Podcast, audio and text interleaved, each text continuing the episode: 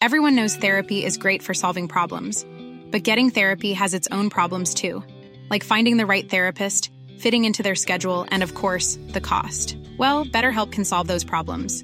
It's totally online and built around your schedule. It's surprisingly affordable too. Connect with a credentialed therapist by phone, video, or online chat, all from the comfort of your home. Visit betterhelp.com to learn more and save 10% on your first month.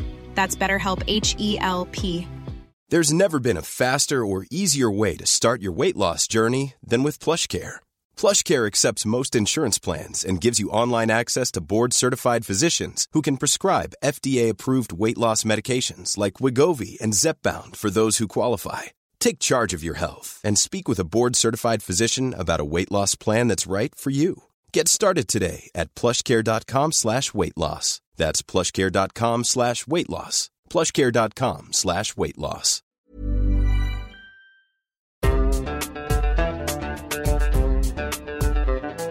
بودكاست صوت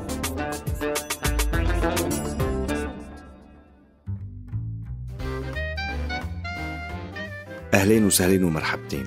أنا بشر نجار وعم تسمعوا بودكاست منبت من إنتاج صوت. عم نحضر لكم موسم جديد. بس من هون لوقتها حابين نشارككم حلقة اشتغلنا عليها بالتعاون مع المتحف الفلسطيني. إذا سمعتوا حدا عم يحكي عن الشعر وعن فلسطين شو أول شي رح يخطر على بالكم؟ أكيد محمود درويش ولأسباب جيدة كمان. بس درويش ما كان وحيد. في شعراء كتير كرسوا كتاباتهم لفلسطين بس ما أخذوا نصيبهم من الشهرة مثل الشاعر راشد حسين.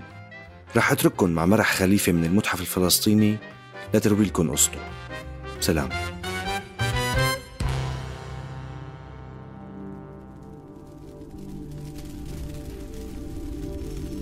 منهاتن نيويورك شارع 46 بيت رقم 22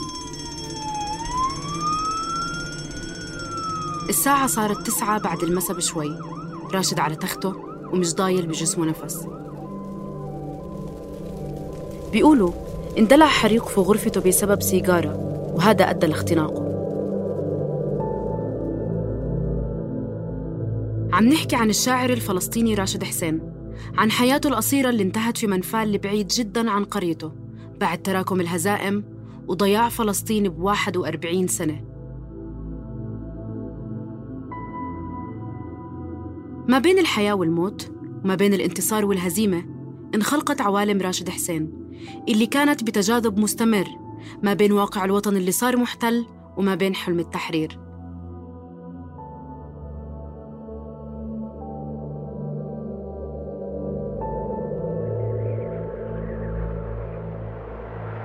في عز ثورة 1936 في قرية مصمص وسط منطقة المثلث الواقعة شمال وسط فلسطين الانتدابية وفي أوساط عائلة بتحب الأرض والمتنبي والفكر القومي انولد حاتم حسين اللي راح يصير معروف لاحقا باسم راشد.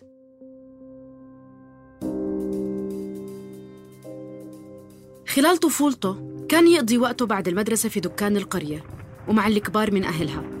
كان يسمعهم بيتهامسوا عن الاحتلال ومصادرة الأراضي وبيشكوا عن همومهم لبعض. الهموم اللي ناتجة من الأساس عن وجود سلطة الانتداب البريطاني. بعد النكبة خسرت فلسطين المدينة كحاضنة سياسية فكرية. كان غالبية اللي بقيوا بفلسطين بعد احتلالها من سكان القرى. دولة الاحتلال الإسرائيلي فرضت الحكم العسكري عليهم عزلتهم عن امتدادهم الديموغرافي. وقيدت حياتهم بمجموعة قوانين قمعية خصوصاً في الجليل والمثلث والنقب. صارت حركتهم محكومة بتصاريح بيصدرها الحاكم العسكري. وسط كل هاي الأجواء كبر حاتم أو راشد الشاعر.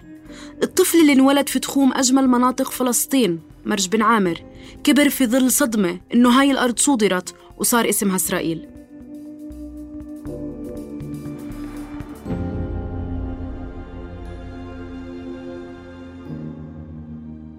انتقل راشد بعدها لمدينة الناصرة لإكمال دراسته الثانوية. هناك تفتح وعيه الوطني والسياسي. لما بنحكي عن الناصرة فإحنا بنحكي عن مكان حيوي بالنسبة للفلسطينيين في الأرض المحتلة. كونها كانت من أهم مراكز نشاط الشيوعيين العرب. اشتغل راشد بالتدريس ولاقى نفسه مضطر يدرس اللغة العربية شفويا للطلاب لأنه تعليم اللغة العربية كان ممنوع من قبل هاي الدولة الاستعمارية الجديدة. أستاذ اللغة العربية والشاعر بدأ حياته الشعرية هناك. كتب عن الهوية وعن الأسئلة الكبرى. ممكن كان أول شاعر في الأرض المحتلة اللي أسس للشعر الوطني المقاوم بعد النكبة.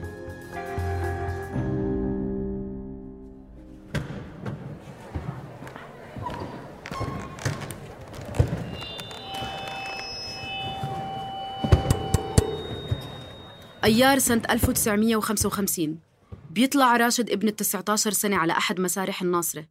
على ما يبدو في مناسبة وطنية بتجمع الحاضرين في مكان واحد بعد سنوات قليلة على النكبة. راشد لابس الكوفية وعم بيكون من أوائل الناس اللي بيلبسوها في مناسبة وطنية قبل ما تصير رمز للثورة الفلسطينية في السنوات التالية. بيوقف راشد قدام الجمهور وبيلقي قصيدة من آسيا أنا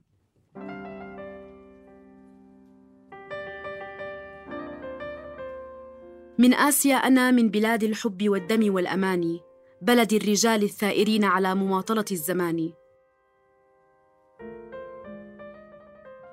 نشاط راشد السياسي بدأ يظهر ويتكثف بطريقة مركبة. أشعاره الأولى كانت خطابية بتبث روح الغضب والرفض للي بيسمعها. الأديب الفلسطيني توفيق فياض بيقول إنه قصيدة راشد حسين كانت تاخده من إيده وترميه في المظاهرة لحد ما تفرقهم هروات الشرطة العسكرية والغاز المسيل للدموع. راشد حسين كان خارج الصندوق. عم نسمع هنيدا غانم مديرة المركز الفلسطيني للدراسات الإسرائيلية اللي كتبت أطروحتها الدكتوراه عن المثقفين الفلسطينيين في الداخل بعد النكبة. كان عندك المثقفين وكان في شعراء. آه وكتاب وأدباء فلسطينية اللي بسبب آه، نوع القمع اللي مارسته إسرائيل والرقابة والمطاردة خلينا نقول للكلمة ولا للفعل ولا النشاط ولا إلى آخره. فضلوا إنه يكتبوا شعر اللي هو لا يتدخل اطلاقا في كل ما يحدث من حولهم. كان خارج كل هاي الصناديق وكان يواجه الكل. بمعنى شعره لا يواجه فقط إسرائيل والاستعمار والصهيونية والظلم اللي واقع على شعره يواجه العادات والتقاليد الأبوية. شعره ينتصر للمرأة.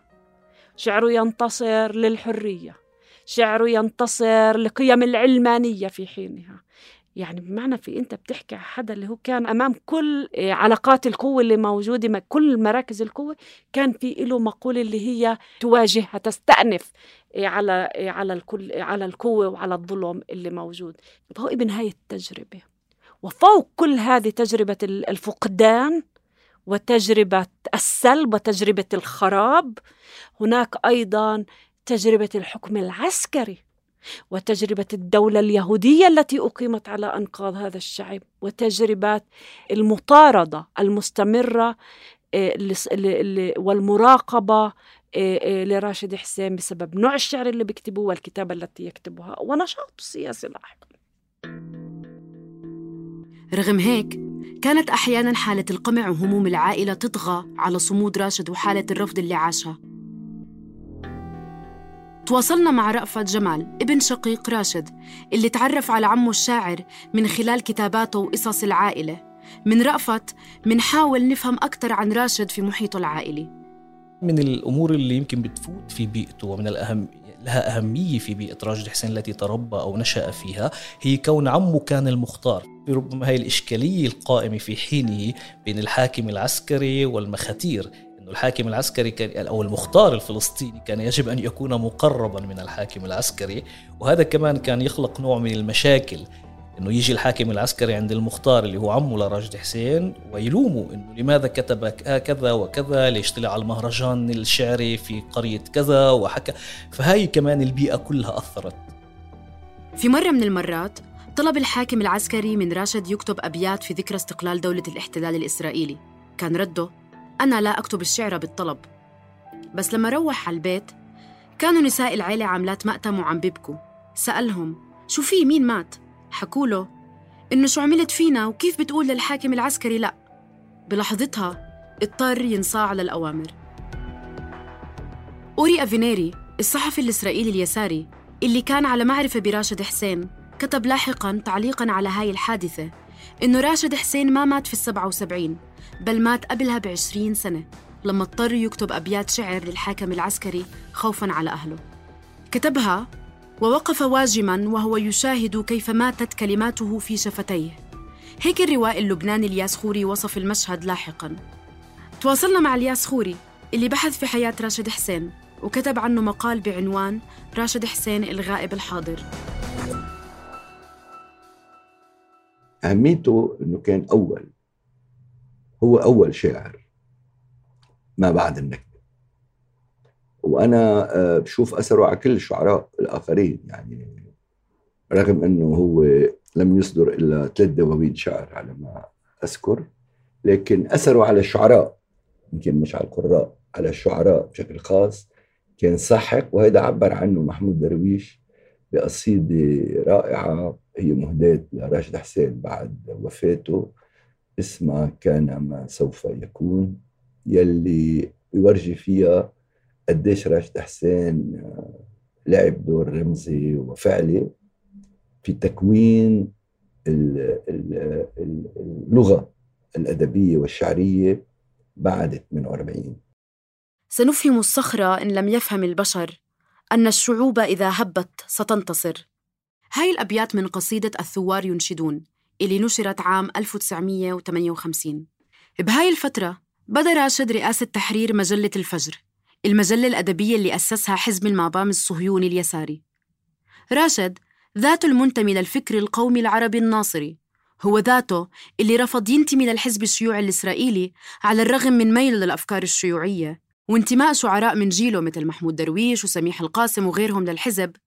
هون بنتساءل شو العلاقة اللي ربطت راشد بالمابام؟ وكيف ممكن نفهمها؟ راشد كان وطنيا مسيسا نعم لم يكن وطنيا محزبا لم ينتمي إلى أحزاب. أنا أصلا أعتقد أن معرفتي براشد حسين بمواقفه بفكره وأيديولوجيته إيه، طبيعة الحزب الشيوعي الإسرائيلي بمواقفه وبتاريخه لا يمكن لراشد حسين أن ينتمي لهذا الحزب. حتى وإن انتمى إليه إيه، إيه، مناضلون أو أدباء كبار أمثال محمود درويش وسميح القاسم وتوفيق زياد رحمهم الله جميعا. هذا الحزب لا يتفق ولا يتسق مع فكر راشد حسين القومي الناصري العروبي. طبعا الجانب التراجيدي الأساسي في شخصيته إنه هو ما كان عنده وسادة يتكئ عليها. مثل بقية شعراء المقاومة، بقية شعراء المقاومة كانوا أعضاء أو كانوا بمناخات آه، جريدة الاتحاد والحزب الشيوعي. فكانوا عم يتخبطوا كثير اشتغل آه، بجريدة عربية اصدرها حزب مقام اللي هو حزب صهيوني يساري. وهلأ طبعا انقرض لم يبقى منهم سوى بقايا ميرتس هلأ.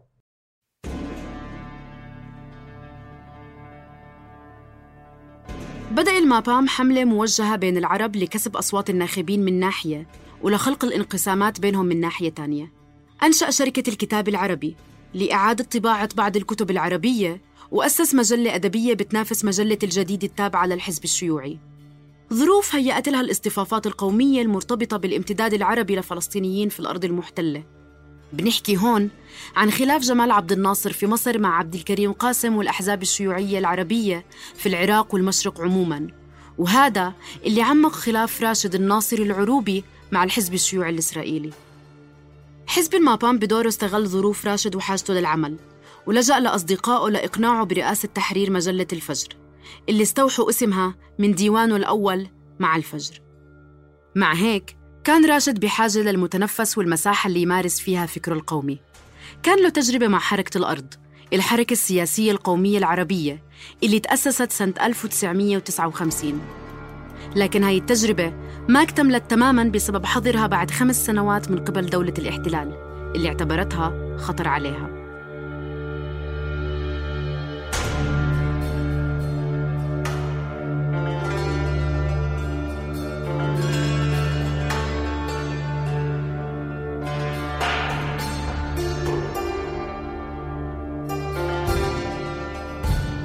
يا ليلنا يا جملا تركبه النجوم والسحاب.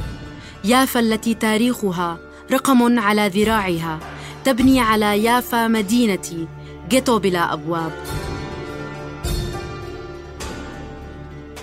يا ليلنا يا جملا محملا بالنار والدخان. يافا التي جاءت مع الأمواج تؤمن أنها الله وأنني القربان.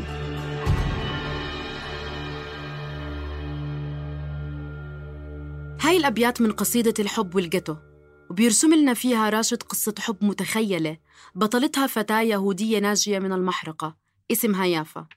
كان راشد حسين أول شاعر وأول مثقف بحاول يربط ما بين المحرقة والنكبة. كتب عن كيف تحولت يافا الفلسطينية لقيته معزول كيف صارت مدينة موت ودمار. بتشاركنا هنيدا غانم تحليلها للقصيدة ولغتها.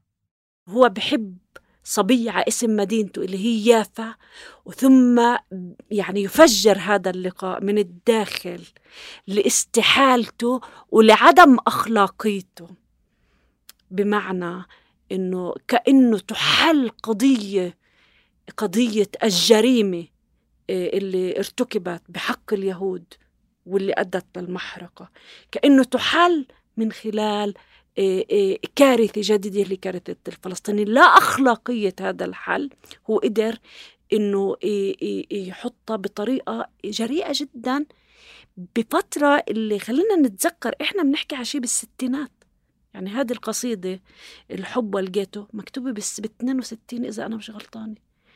فأنت بتعملي هذا اللقاء المؤشكل المركب اللي بحاور معنى الضحية معنى المحرقة معنى النكبة معنى الخرائب النكبة تنظر في عيون المحرقة مباشرة. آه. استحالة خلينا نقول أو التقاطع في وسط كل هاي الإشكاليات. ثم يستخدم كل هاي المصطلحات القوية لوصف يافا وفي النهاية يعني يفجر خلينا نقول إمكانية اللقاء بسبب بنية إسرائيل وبسبب نوع الفوقية اليهودية فكرة الفوقية اللي هي مبنية عليها. قدرة كتير خاصة في راشد حسين في هذاك الوقت. اللي بيقرأ حياة راشد ممكن يلمس تناقض بين لغته الثورية الغاضبة دائما وقراراته الشخصية كإنسان. يمكن قصيدته الشهيرة ضد بتفسر نظرته للأمور والتناقض بين شو شكل النضال الرومانسي اللي بفضله وشو النهج اللي بيفرضه الواقع.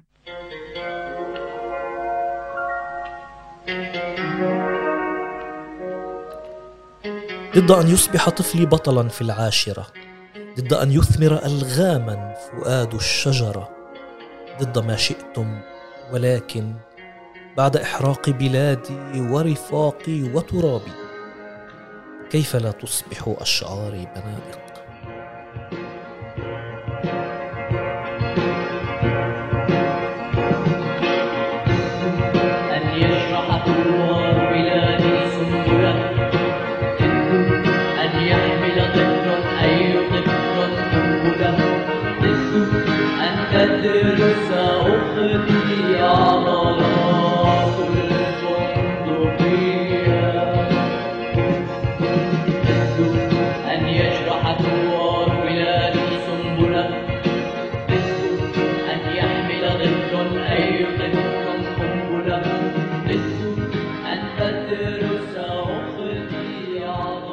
راشد حسين كان مستعدا لأن يمد جسورا مع الجميع من أجل أن ينادي بسلام عادل. فهو كان لينا كان إنسانا إيه، طيبا أكثر بشوشا أكثر يعني إيه، كان يحاول أن يقرب وجهات النظر مع المختلف معهم.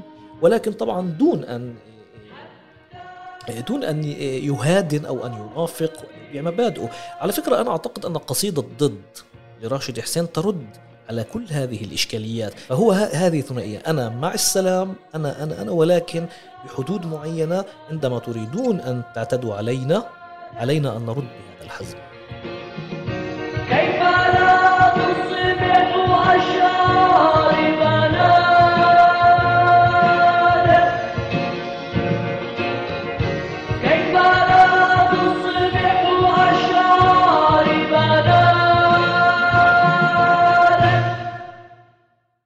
قلب هذا التناقض بنسأل عن أهم تجربة عاطفية خاضها راشد.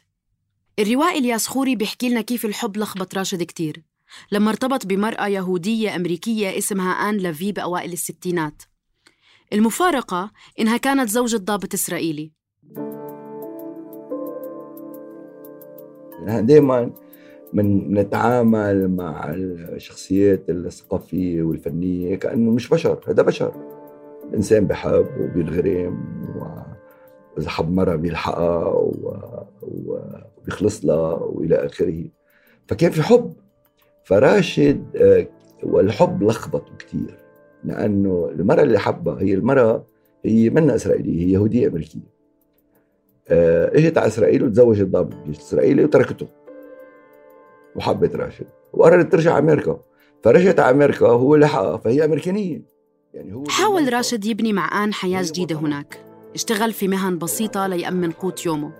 في مرة من المرات زار بيروت ودمشق والقاهرة وشعر برغبة ملحة للعيش في العالم العربي لكنه اصطدم برغبة آن المختلفة وحس إنهم عايشين بعالمين مختلفين تحت سقف واحد. فهي أمريكانية. يعني هو بالمنفى وهي بوطنها. هو عم فتش على حاله بأمريكا وهي لقت حالها. فهيدا خلى التوتر العلاقة تكون متوترة جدا وهذا أخذ كثير من جهد راشد. صار الانفصال وتحطم راشد.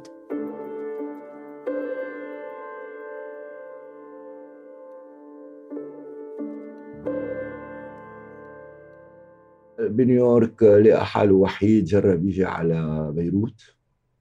ليشتغل بمركز الأبحاث الفلسطيني محل ما أنا كنت أشتغل فلم يفلح. آه، ثم ذهب إلى دمشق. آه، ليشتغل مع زملائه بمنظمه الأرض اللي كانوا عاملين مركز أبحاث كمان بدمشق. وطرد طردا من دمشق طردته المخابرات السورية لأنه كان يحكي كثير يعني كان مش منضبط بضوابط بتعرف الأنظمة العربية عندها ضوابط آه، للكلام. وهو راشد بمنفاه اندلعت حرب الأيام الستة عام 1967 خسرنا فيها بقية فلسطين وأجزاء من سيناء والجولان السوري. أثرت النكسة كتير على نفسيته بس رغما عن ذلك كان قادر يستأنف نشاطه ودراسته في إحدى جامعات نيويورك. آه بعدين اشتغل بالترجمه بعدين اشتغل بالأمم المتحدة يعني بالبعثة فلسطين الأمم المتحدة واشتغل بمنظمه التحرير فحرق حرق آه مراكبه لما إذا بتشتغل بمنظمة التحرير وقتها. كانت وقتها منظمة التحرير منظمة التحرير. مش مثل هلأ.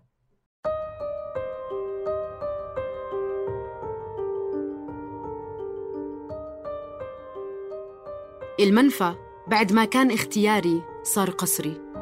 دولة الاحتلال سحبت من راشد الجنسية الإسرائيلية بسبب زيارته لدول عربية ضل راشد بدون جواز سفر. تماما كيف بحكي لنا بقصيدته. بدون جواز سفر أتيت إليكم وثرت عليكم فقوموا اذبحوني. لعلي أحس بأني أموت بدون جواز سفر.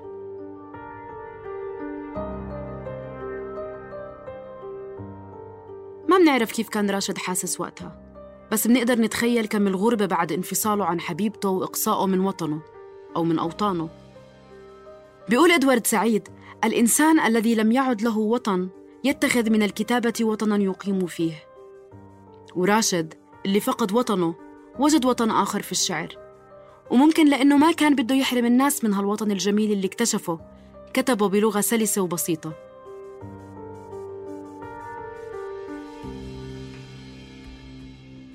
عانى راشد من الوحدة والاكتئاب في آخر فترة له بنيويورك. بيقول في إحدى قصائده تعيش في نيويورك. تكتب شعرا حينما تجوع أو حينما يموت الأصدقاء. وأصدقاؤك انتهوا. ماتوا بلا أسماء. لذا تظل تكتب الشعر في مدينة بدون أصدقاء.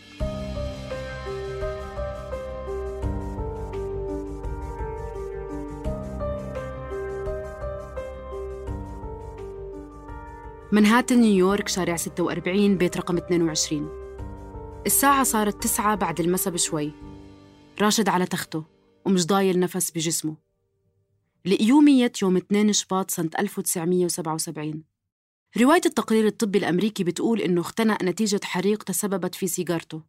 بس أحد أصدقائه في الولايات المتحدة بيقول إنه موته غامض.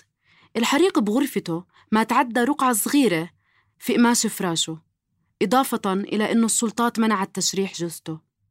كان خبر وفاة راشد في الأربعين من عمره صادم. تحديداً لعائلته. العائلة أصرت على دفنه في مصمص ورغم محاولات إسرائيل منع عودة جثمانه إلا أنه مطلب العائلة تحقق بعد أيام. جنازته تحولت لمظاهرة كأنها بتستكمل معارضته ورفضه ونضاله. يقال إنه علقت يافطة على باب البلد بتقول راشد حسين يرحب بكم أما والده فأهل بالمشيعين وقال أهلا بضيوف راشد حسين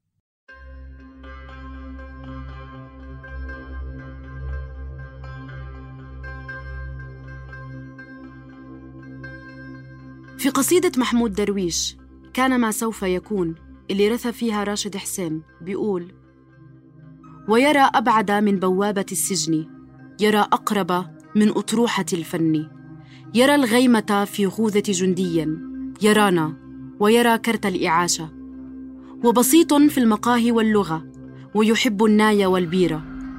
لم يأخذ من الألفاظ إلا أبسط الألفاظ سهلا كان كالماء بسيطا كعشاء الفقراء. كان حقلا من بطاطا وذرة. لا يحب المدرسة ويحب النثر والشعر. لعل السهل نثر ولعل القمح شعر.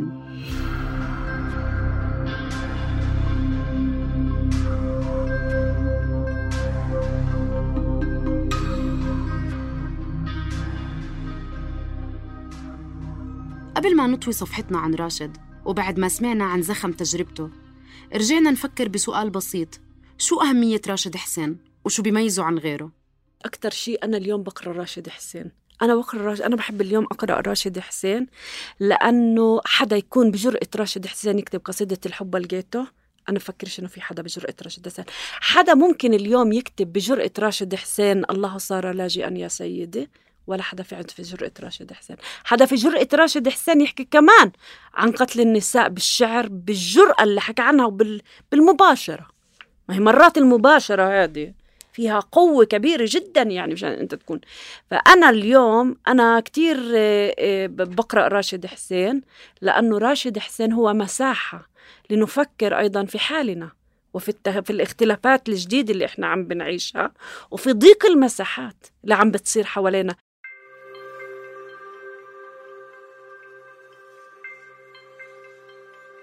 راشد حسين ما أخذ حقه فلسطينيا. وراشد حسين ينتظر ما زال ينتظر إنه حدا يكتب السيرة الذاتية اللي لإله وحدا يكتب عن دوره وعن شعره. راشد حسين مع الأسف الشديد ما أخذ دوره وهذا ليه؟ لأنه ما كان قريب من المؤسسة مثل غيره. خلينا نقول يعني بمعنى إنه مثلا اللي كان موجود بالحزب الشيوعي هاي مؤسسة كانت قوية.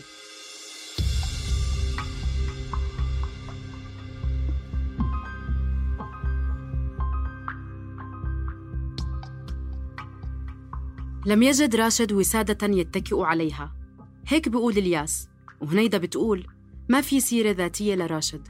راشد حسين ما ترك لنا مذكرات وبتضل ملامح سيرته مش واضحة تماما حتى لعيلته. كل اللي بنعرفه عنه من شعره لشكله وشخصيته هو بفضل لذاكرة عائلته وجهود أرشفة متفرقة.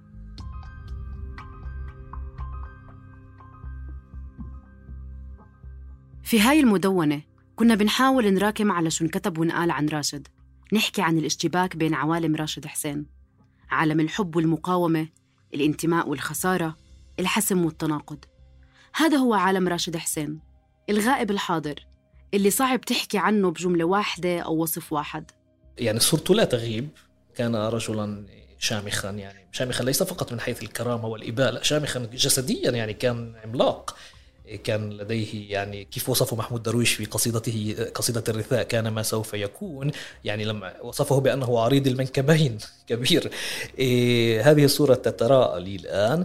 وأيضا أتخيل أتخيله أيضا طفلا. مما أسمع عن راشد حسين وعندما أقرأ راشد حسين حتى قصائد الغضب حتى القصائد الثورية أنا أعتقد أن هذا الإنسان كان في داخله طفل وليست هذه الشعارات نقولها أو كلام معروف عند عن المبدعين. لا راشد حسين أنا أتصوره إنسانا مرهفا إنسانا حزينا.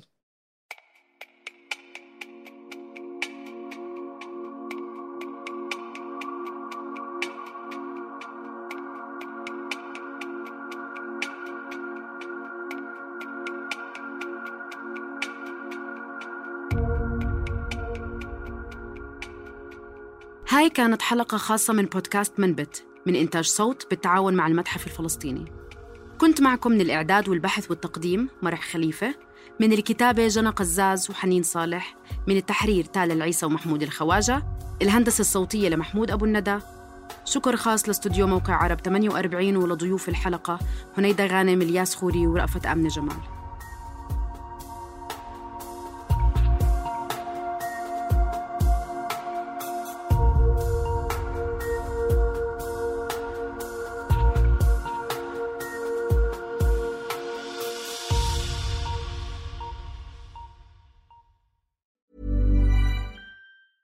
Planning for your next trip?